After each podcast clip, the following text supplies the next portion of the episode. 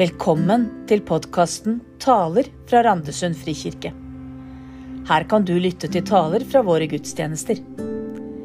I denne episoden hører du pastor Jostein Ørums tale fra 15. mai om kongebøkene. Talen er en del av vår taleserie over bøker fra Det gamle testamentet. Det kan være fint å lese kongebøkene i sin helhet. Om det oppleves så mye, vil vi anbefale å lese om begynnelsen og slutten. Og vi anbefaler dere å lese fra første kongebok 3, 5-15 og kapittel 8 og 9, som beskriver starten med kong Salomo og innvielsen av det store tempelet. Og så anbefaler vi å lese fra annen kongebok om avslutningen med de to rikenes fall i kapittel 17, 1-23 og kapittel 24, 20 25, 30.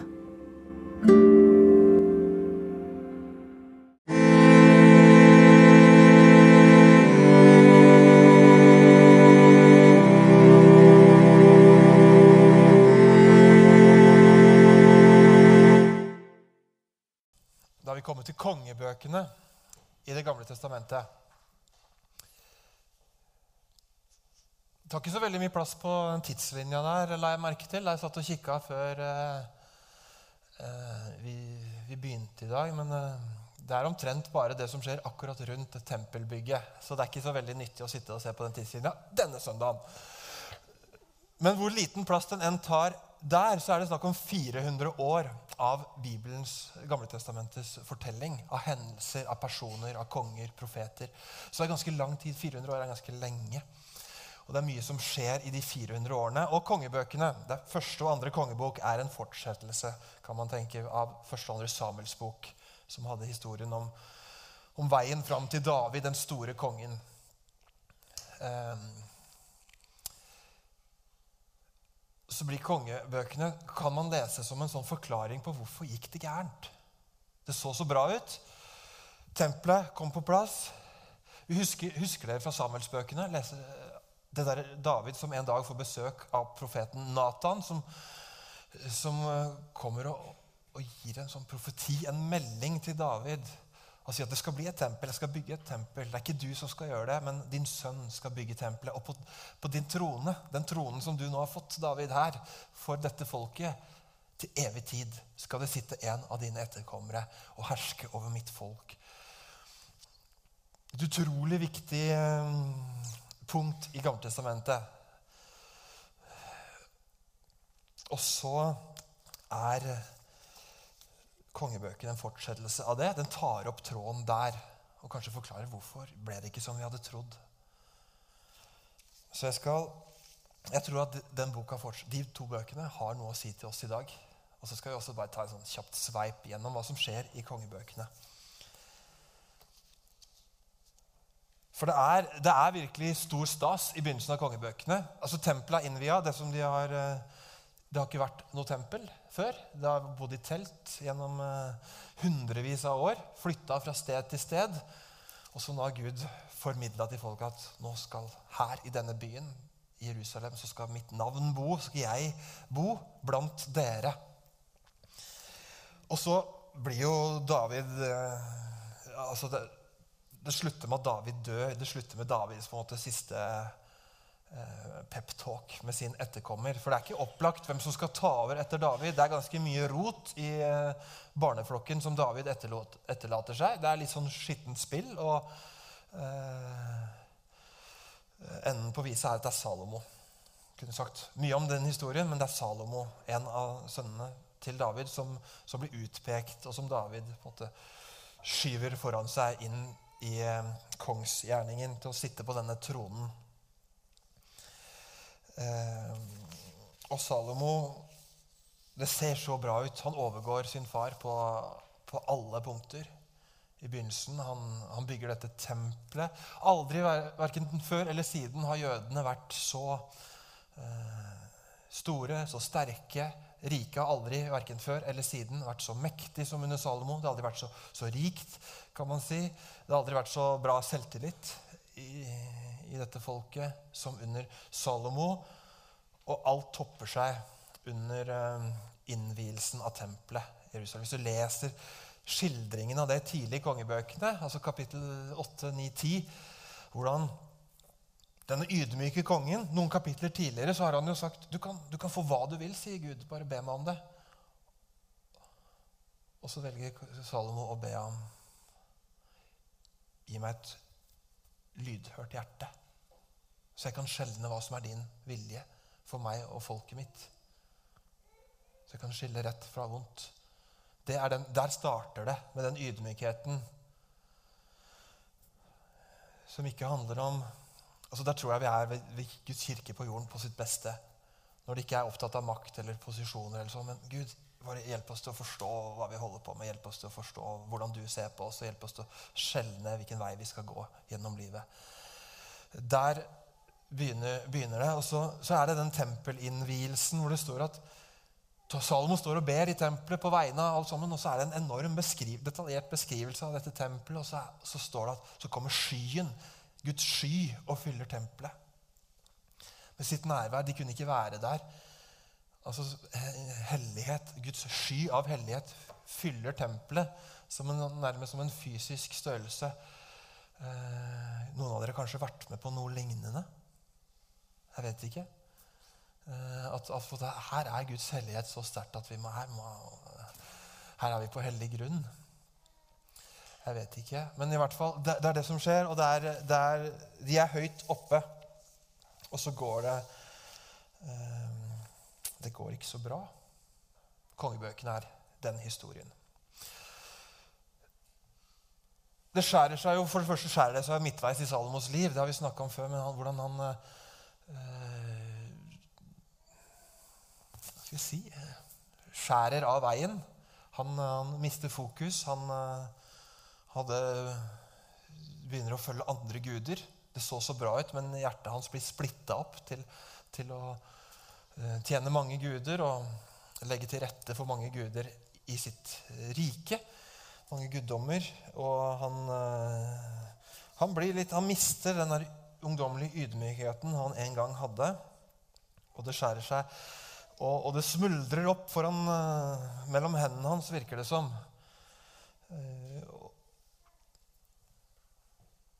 Og så dør jo Salomo.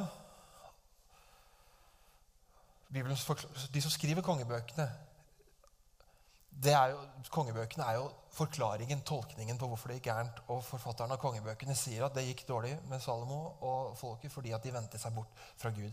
Allerede når skal, når etterkommeren skal innsettes, så, så er det jo eh, sønnen Rehabiam som er en kandidat. Og allerede der allerede der så går det helt, helt galt for dette riket. Hvis vi kan tenke at dette her bare sånn for enkelhets skyld Dette er det dere får av multimedia i denne talen. Dere som hører på det, det er et hvitt A4-ark. Så dette er på en måte dette hele riket, Davids rike, som Salomo overtok. Men allerede når vi skal få en etterkommer, så, så er det jo Rehabian. Og det, som dere husker, Israelsfolket det er på en måte tolv stammer. Og De tolv stammene hadde av Josua fått tolv deler av dette hvite arket for å slå seg ned. Og er på en måte tolv stammer innenfor helheten. Og så det og Judas stamme, David og Salomo er jo Judas stamme nedi, nedi her, der Jerusalem ligger. Og da, Ved en maktovertagelse så så jo resten resten av disse her så jo sitt snitt og forhandla om vilkårene litt. Og de kommer til Rehabiam og sier at du, vi, nå må vi få det litt bedre kår. Salomo hadde innført slavearbeid annet, og, og ble ganske, Det krevdes nok en ganske hard hånd for å få gjennomført alt det fantastiske politiske og økonomiske som han gjorde. Så de prøver å få litt goodwill, men det skjærer seg. Og, og Rehabian sier at nei. Jeg er, altså jeg, jeg er bedre enn min far. Jeg er sterkere enn min far. Jeg, jeg, eh, min, eh, min, lillefinger er tykkere enn min fars midje, sier han. på en måte. Det er, er bra, bra, selvtillit, men det går veldig dårlig. For da, allerede da så går ikke disse andre rikene, rikene med på det. Og allerede der så er dette riket brutt. 926 ca. Og da er kongebøkene historien om to riker etter det. Sørriket og Nordriket kalles det. Eller eh, Israel og Juda. Israel og Juda. Davidsriket og de andre, altså røkla, er eh, historien, er kongebøkene. Så de kjører på en måte to, hopper ut og inn og forteller kongerekkene. Den og den var konge i Juda, og de gjorde det sånn og sånn. Og den og den var konge. liksom Switcher ut og inn av to, to uh, fortellingslinjer. Så er, og da er kongebøkene nærmest å regne som en karakterbok. Forfatterne av kongebøkene, eller forfatteren, nå vet ikke, uh, sitter og nærmest deler ut karakterer til disse kongene. Hvordan klarte de seg, målt opp mot David, den store kongen. Og ut fra disse tre kriteriene, i hvilken grad vedkommende, klarte vedkommende konge å holde seg til Gud alene, altså det første bud, du skal ikke ha andre guder enn meg. I hvilken grad klarte kongen det? Kriterium nummer to hvilken, på hvilken måte møtte vedkommende konge avgudsdyrkelsen som omga dem, og som infiltrerte landet. Altså dyrkingen av andre guder. Og hvordan gjorde kongen det? Hvordan takla kongen det? Og det tredje er i hvilken grad var denne kongen trofast i hjertet sitt mot eh, løftene og pakten fra Abraham, Isak og Jakob og, David. Og på en måte var de holdt i sin integritet i behold. Så det er på en måte eh, kriteriene som denne karakterboka blir skrevet over. og Det er 20 konger i Nordrike og 20 konger i Sørriket. I Nordrike får alle stryk. Null av 20 består eh, testen. I eh, Sørriket er det åtte som får godkjent. Godkjent karakter. Eh, så, det, så, kongebøkene er en berg-og-dal-bane. Egentlig kan se det for dere. Kom, kom den kongen, og så, så, så, glemte de fedrenes uh, tro og Davids tro, og så gikk det dårlig.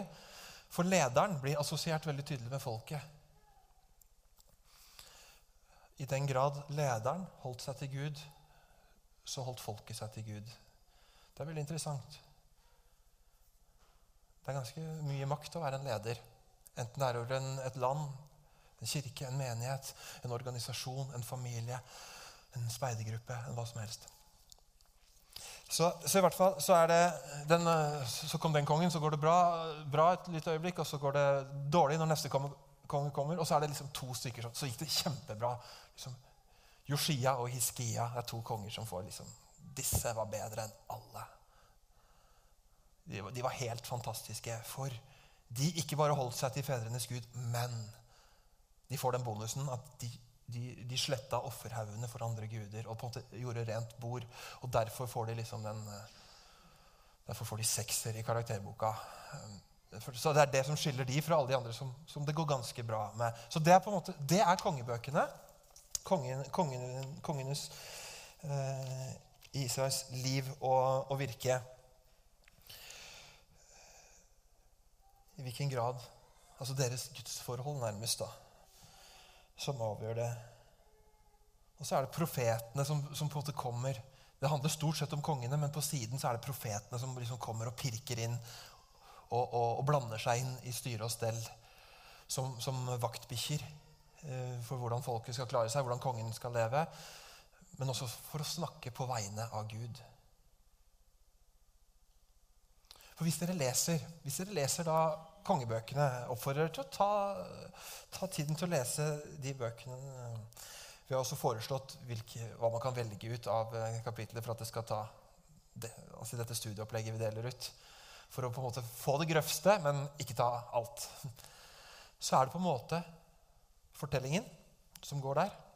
Fortellingen om det som skjer da og da og da. Og så er det en sidefortelling og det er profetene. Det er profetbøkene i Det gamle testamentet. Det er liksom Jesaja, det er Jeremia, det er Sekiel. Det er, de fleste av disse lever jo samtidig. De går parallelt med kongehistorien. Og så har, er det dialog, og så er det de kongene som får refs av profetene. Så alle De blander seg inn i styre og stell. Men det er profeter, og det er konger. De to fremste profetene er jo Elia og Elisha. Eh, Elia, den store profeten. Han er så stor at det, det, det, det Gamle testamentet slutter jo med at det skal komme en ny Elia en gang. Han blir jo tatt opp til himmelen i ildvogn, står det. I kongebøkene. Og da sa profetene at det skal komme. Før Herrens dag kommer, så skal det komme en ny Elia. Så det var noe med den profeten Elia som, som hadde noe ved seg. Det er han som Jesus, altså Peter, Jakob og Johannes får se oppå toppen av fjellet. Jesus som snakker med Moses og Elia. Og så igjen, da, som jeg har sagt før, Det er litt interessant denne Elia som får så bra skussmål i Bibelen. Han får ingen innflytelse. Han, han, han mislykkes med oppdraget sitt. Han klarer ikke å påvirke kongen til å leve for Gud, sånn som er hans store livsprosjekt. Men til tross for det så blir han på en måte holdt høyt da, i Bibelen. Så det er, det er, konger og det er profeter i dialog med hverandre, og det går opp og ned avhengig av i hvilken grad de husker løftene, de husker fedrenes tro, de holder seg nær til Gud, og de, de beholder hjertet sitt udelt. Da. Så, så sånn er kongebøkenes berg- og dalbane gjennom noen hundre år.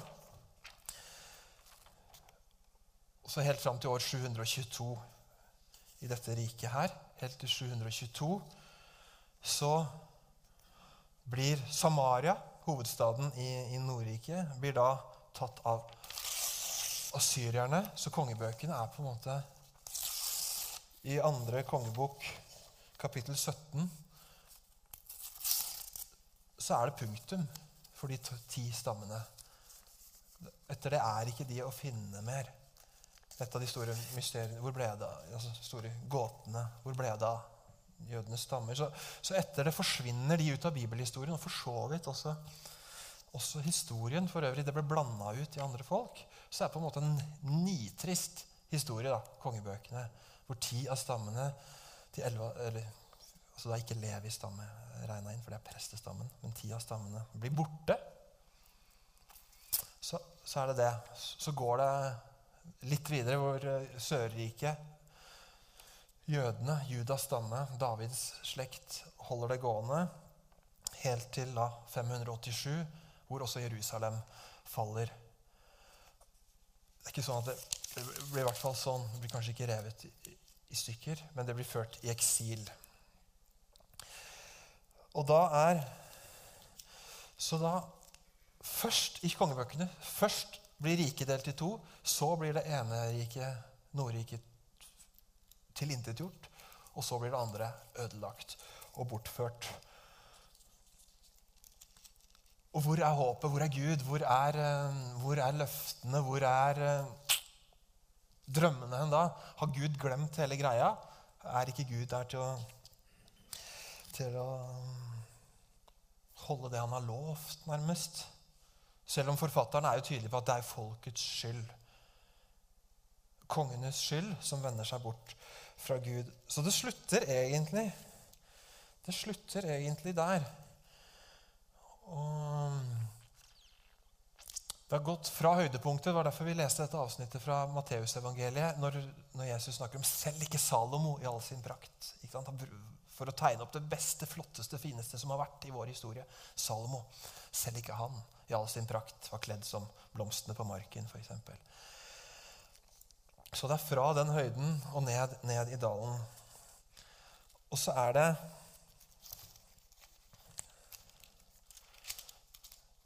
så er det nærmest som det slutter der. Der slutter historien at Samaria er ødelagt, og israelsfolket, jødefolket, er ført bort i eksil. Tempelet er ødelagt. Altså dette som var Guds bolig. Guds nærvær på jorden er ødelagt. Eh, sølvet og skattene derfra er tatt. Murene er revet. Og der slutter det egentlig. Kongebøkene. Men nesten. altså Hvis man leser siste setning jeg tenkt på, Nå skal jeg si noe som som jeg har tenkt på, på i det siste. For egentlig så stopper historien der. Og så er det et punktum. Men jeg, jeg, har sett en del på Marvel-filmer. Jeg, jeg, tipper at ikke så mange av dere har noe forhold til dette Marvel-filmen, dette universet. Men ja, Sverre har det. ikke sant?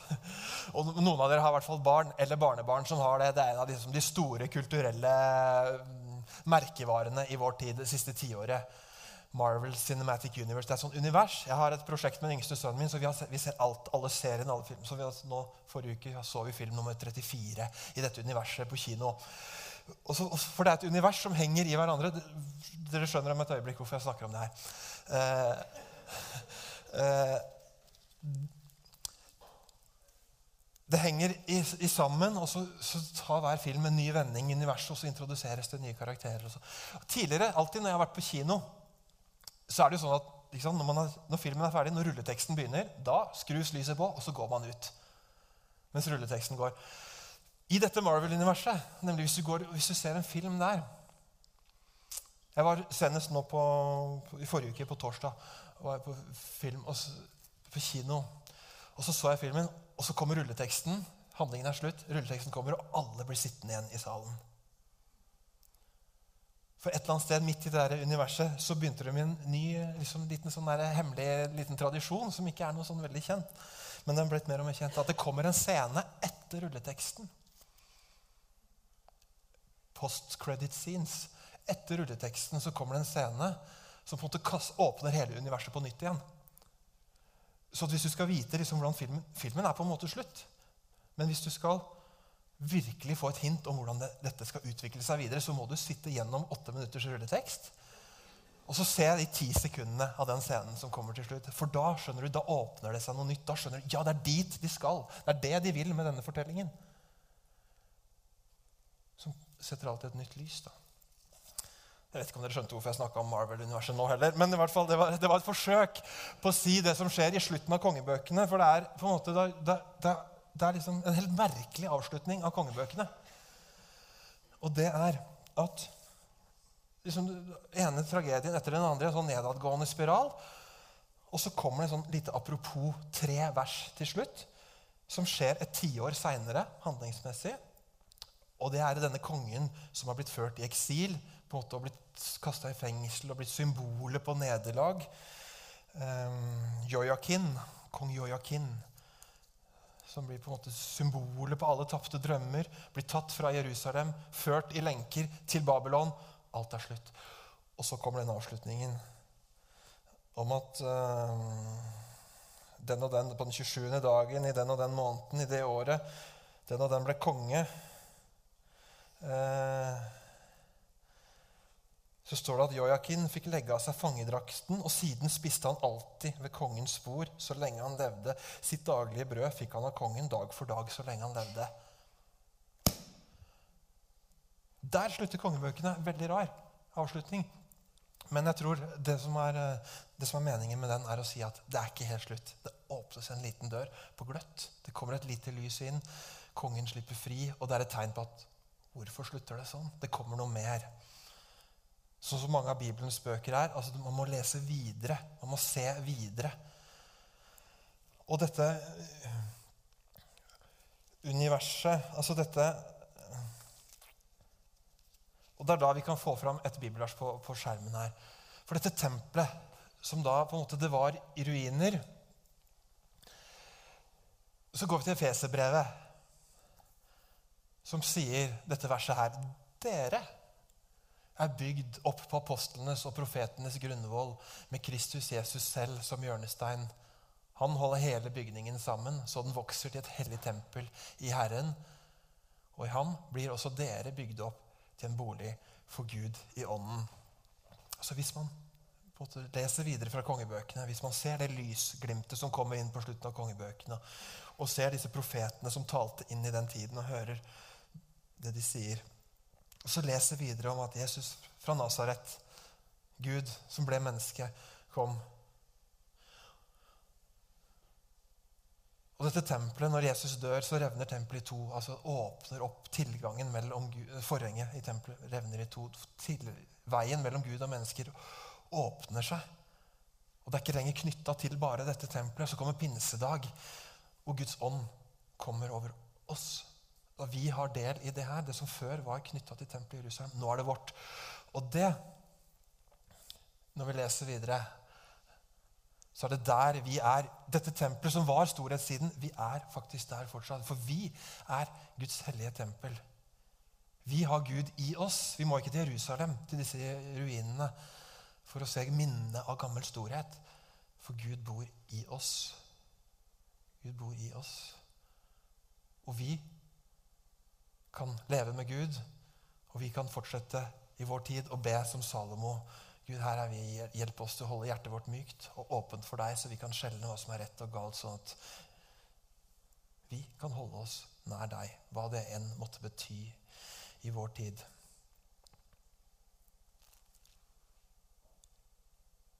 Dere er et hellig tempel. Dere er bygd opp til en bolig for Gud i ånden. Amen.